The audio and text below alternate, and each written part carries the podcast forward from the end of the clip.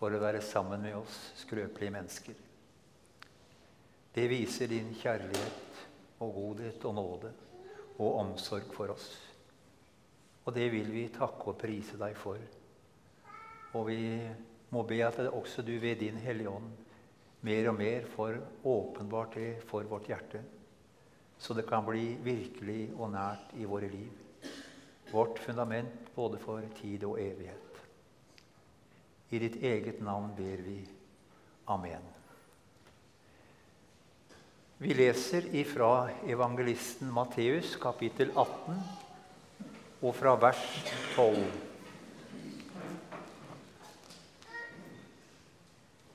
Hva mener dere dersom en mann har hundre sauer, og en av dem går seg vill?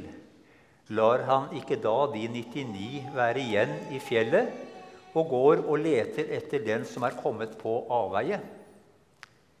Og skulle han finne den, sannelig, jeg sier dere, da gleder han seg mer over denne ene enn over de 99 som ikke har gått seg vill. Slik vil heller ikke deres far i himmelen at en eneste av disse små skal gå tapt. Dersom din bror gjør en synd mot deg, så gå til ham og still ham til ansvar på tomannshånd. Hvis han hører på deg, har du vunnet din bror. Men hvis han ikke hører, skal du ta med deg en eller to andre for etter to eller tre vitners utsagn skal enhver sak være avgjort. Hvis han, hvis han, ikke hører på dem heller, skal du si det til menigheten. Men hvis han ikke engang vil høre på menigheten, skal han være som en hedning eller toller for deg. Sannelig, jeg sier dere, alt dere binder på jorden, skal være bundet i himmelen og alt dere løser på jorden, skal være løst i himmelen. Hellige Far, hellige oss i sannheten. Ditt ord er sannhet. Amen.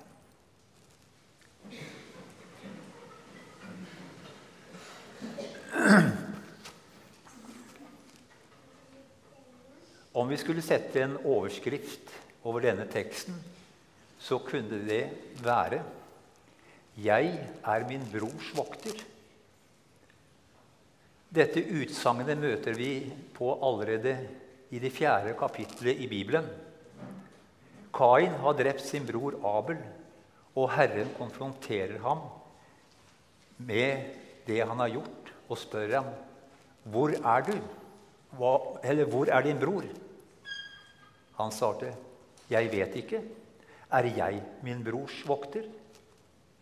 Gud mente tydeligvis at ja, Kain skulle være sin brors vokter. Denne teksten minner oss på at vi som tilhører et kristent fellesskap, rett forstått er hverandres, hverandres vokter.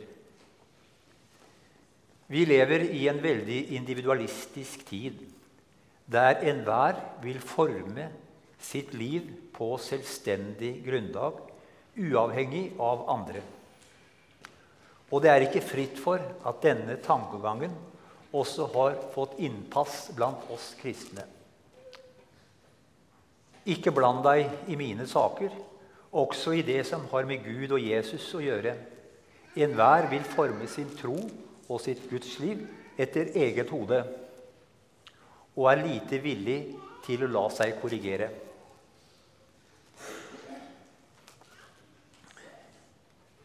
Og når vi skal snakke om sånn, denne teksten, så har vi med oss i historien en del mørke kapitler når, når det gjelder dette. Og også fra nye, nyere tid mennesker som er utestengt fra fellesskapet på veldig tynt grunnlag. Og i vår egen historie er det også gjort feil. Feil som er blitt smerte som er blitt smertefullt for en del mennesker.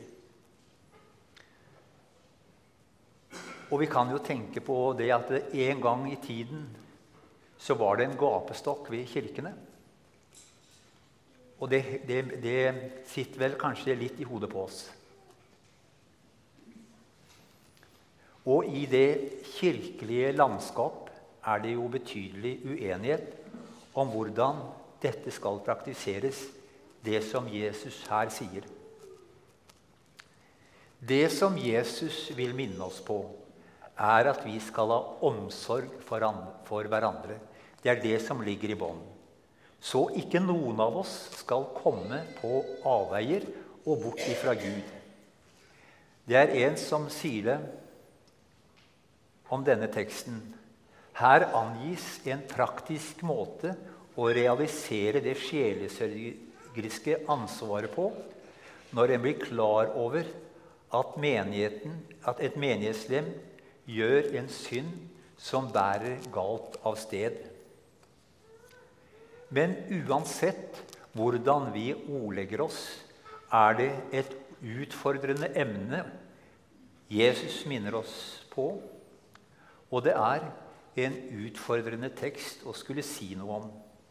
For det, for det vil kanskje berøre mange mennesker.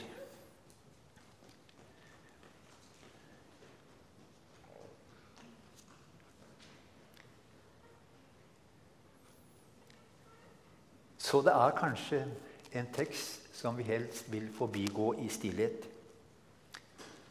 For vi kan føle den som et angrep på den personlige frihet. At noen hele tiden skal se meg i kortene, som vi sier. At den legitimerer at vi skal gå og vokte på hverandre med mistenksomhet. Men vi får prøve og si noe om det som Jesus her minner oss på. Han vil legge det på våre hjerter, for den står jo i vår bibel. Det står som en veiledning til det kristne fellesskapet.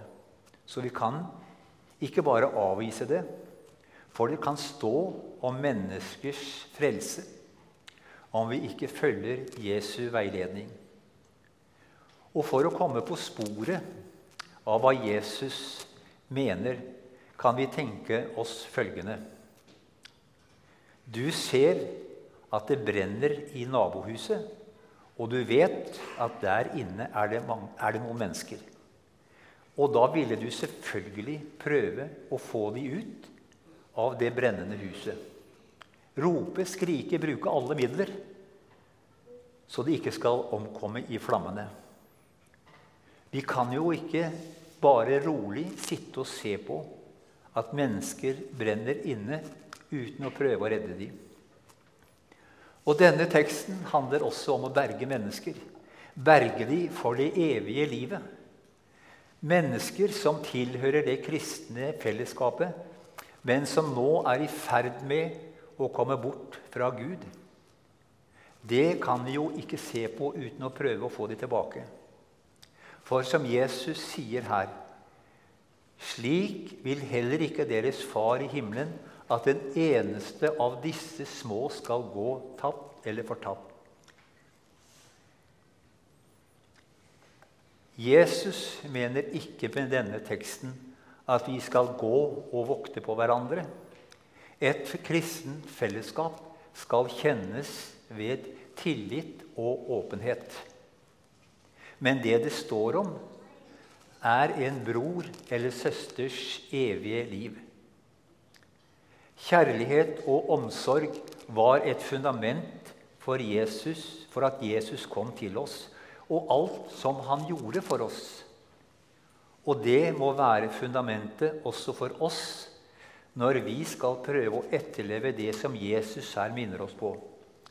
Forrige søndag så hørte vi fra teksten i Matteus 9 at Jesus forkynte evangeliet om riket og helbredet all syk, sykdom og plage. Og han sier videre at da han så folket, fikk han inderlig medfølelse med dem, for de var som sauer uten gjeter. Men Jesus kom jo og tok på seg den oppgaven med å være gjeter for sauene. Og nå er vi så heldige at vi får være i den flokken som Jesus er hyrde eller gjeter for.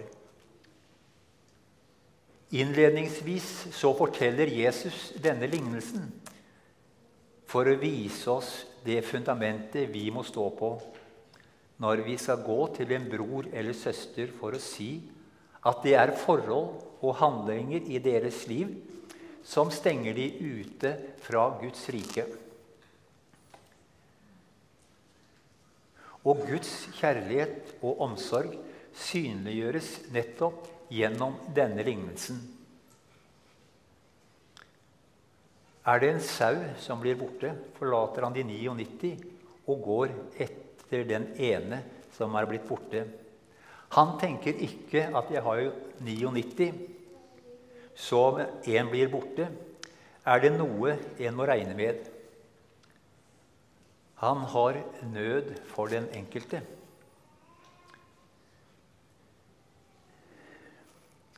Og så kan vi stusse litt over dette bildet som Jesus bruker. Der forlater gjeteren 99 sauer i ville heia. Og vi kunne tenke at det er jo mer farlig å la de 99 være igjen. Det kan jo gå riktig ille med de. Bare på bekostning av den der ene som har forvilla seg. Det måtte være, da være bedre å passe på de 99. Man vet hva man har, men man vet virkelig ikke hva man kan sitte igjen med. Men kanskje Jesus nettopp med dette diskuterbare innslaget fikk sagt noe oppsiktsvekkende om hvor umistelig den ene er for Gud.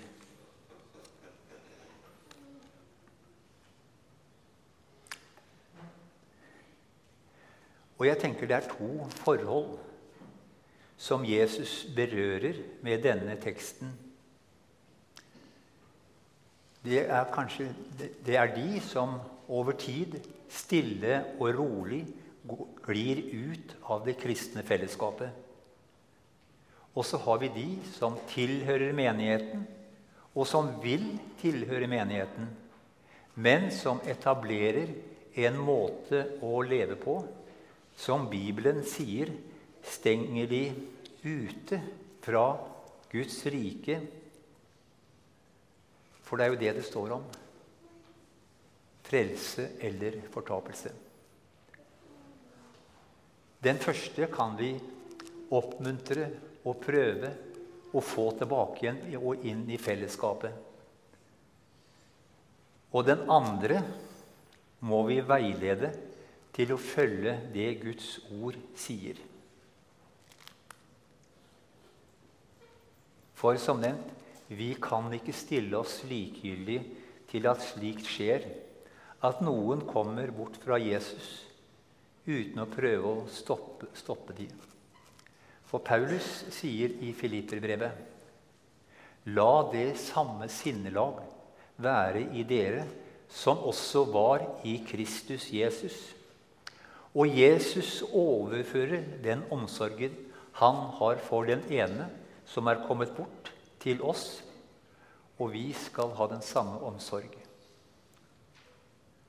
Og vi alle som tilhører Jesus, lever alle under frafallets risiko, som Bibelen minner oss på flere steder. Men vi kan lese fra Hebrevet kapittel 3. Se til, søsken, at ingen av dere blir onde og vantro i hjertet og faller fra den levende Gud dere skal heller oppmuntre hverandre hver dag, så lenge det heter 'i dag', så ingen av dere skal la seg bedra av synden og bli forherdet. Derfor minner Jesus oss om å ta vare på hverandre, så, så ingen av oss skal komme bort fra Jesus. For det er jo så mye i samfunnet som vil trekke oss bort fra Jesus. Så vi trenger virkelig hverandres omsorg. I det kristne fellesskapet har vi alle et hyrdeansvar overfor hverandre. Disippelkallet er også et hyrdekall. Det er ikke slik at alt skal overlates til menighetens eldste, som har et mer formelt hyrdeansvar. Men om du kanskje snakker med en bror eller søster i det, i stille, så vil kanskje saken ordne seg også på en stille måte.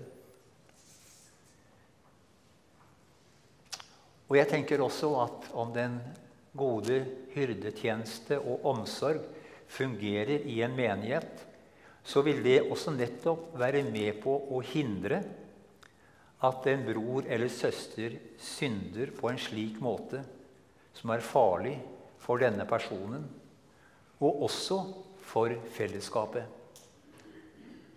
Og da blir det straks mer krevende å utøve denne hyrdetjenesten.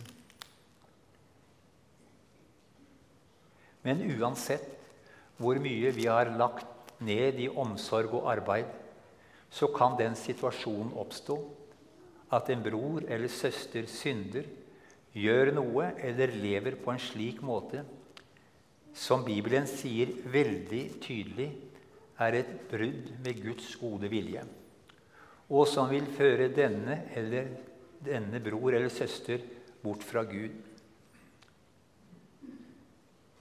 Og det kan jeg ikke da se på, stille meg likegyldig til, men gå og snakke med vedkommende. Og vi skjønner at den type omsorg er krevende å utøve. Og det vil vi helst slippe. Men jeg tenker at er det gode relasjoner til denne personen, og vi er trygge på hverandre, og vi vet at vi vil hverandre vel, er det lettere å snakke sammen om det som er vanskelig. For det må gjøres, for det kan stå om frelse eller fortapelse. Og når vi skal gå inn i slike samtaler, så kan vi huske på det Paulus sier om slike situasjoner. Mine søsken, hvis en av dere blir grepet i et feiltrinn, må dere som har Ånden, hjelpe ham til rette. Men gjør det med et ydmykt sinn, og pass på deg selv, så ikke også du blir fristet. At jeg ikke kommer med en ovenfra-og-ned-holdning, at her kommer jeg som har fått det til, men med varhet og omtanke minner om hva Guds ord sier. Og det må være velfundert det det er tale om. Det må være veldig tydelig. Og i en menighetsfellesskap så vil vi mene forskjellig om en del ting. Og slik kan det være. Og det bør ikke være noe feil. Så det som vi eventuelt vil påtale, må være veldig tydelig. For vi sliter jo alle med våre daglige små feiltrinn som vi daglig må be om tilgivelse for. Men en synd som binder personen til fortapelsens vei, den må vi si noe om. Og så sier Jesus om denne situasjonen at da skulle han oppsøke vedkommende på tomannshånd Formålet er å vinne ham, få han tilbake til nådesamfunnet med Jesus. Og hvis han har hører på deg, så har du vunnet din bror.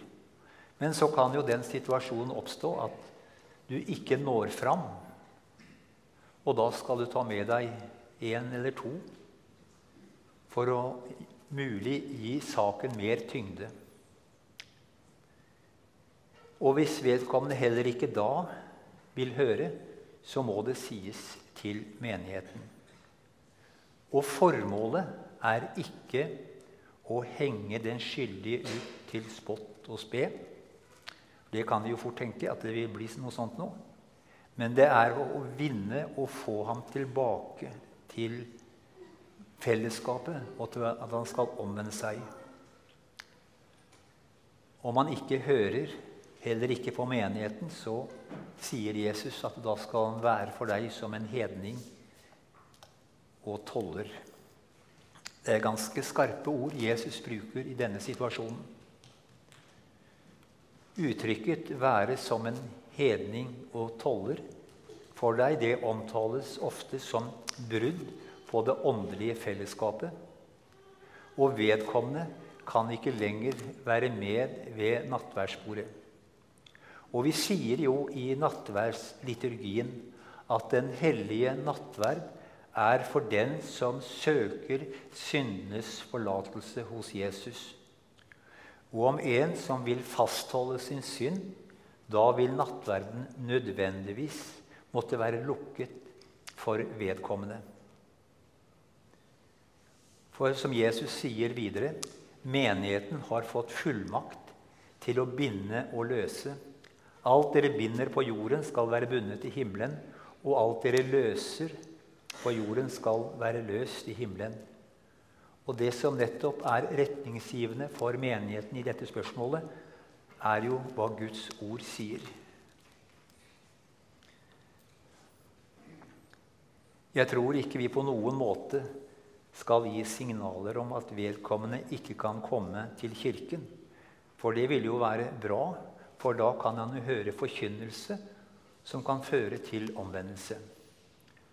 Så kunne vi spørre Kunne ikke la hver enkelt leve sitt liv slik de ønsker, og fortsatt tilhøre det fellesskapet ved nattverdsbordet? Enhver står jo til ansvar for sitt for, for sitt liv.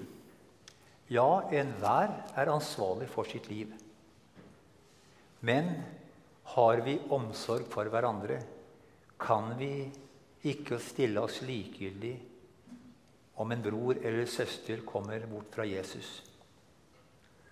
Og vi skal også være oppmerksomme på at et slikt brudd med Guds ord, om det ikke blir påtalt, kan menigheten også bli skadelidende. Om ting er ålreit for én, så kan det jo være ålreit også for meg. Og vi får en smitteeffekt som er farlig. Jesus han advarer mot fariseernes og sadukernes surdeig. Og alt som bryter med Guds ord, kan være en farlig surdeig. Sånn sett så ser vi hvor livsviktig det Jesus her sier, som Matteus gjengir, er for det kristne fellesskapet. At det kan bli bevart sunt og sant og være til velsignelse for mennesker. Og til slutt siste verset i Jakobs brev, hvor der sier han Mine søsken, Dersom en av dere forviller seg bort fra sannheten, og en annen får ham til å vende om, så skal dere vite Den som får en synder til å vende om fra sin vil, sine ville veier, berger sjelen hans fra døden og skjuler en mengde synder. Amen. Ære være Faderen og Sønnen og Den hellige ånd som var, er og være skal, en sann Gud, høylovet i evighet. Amen.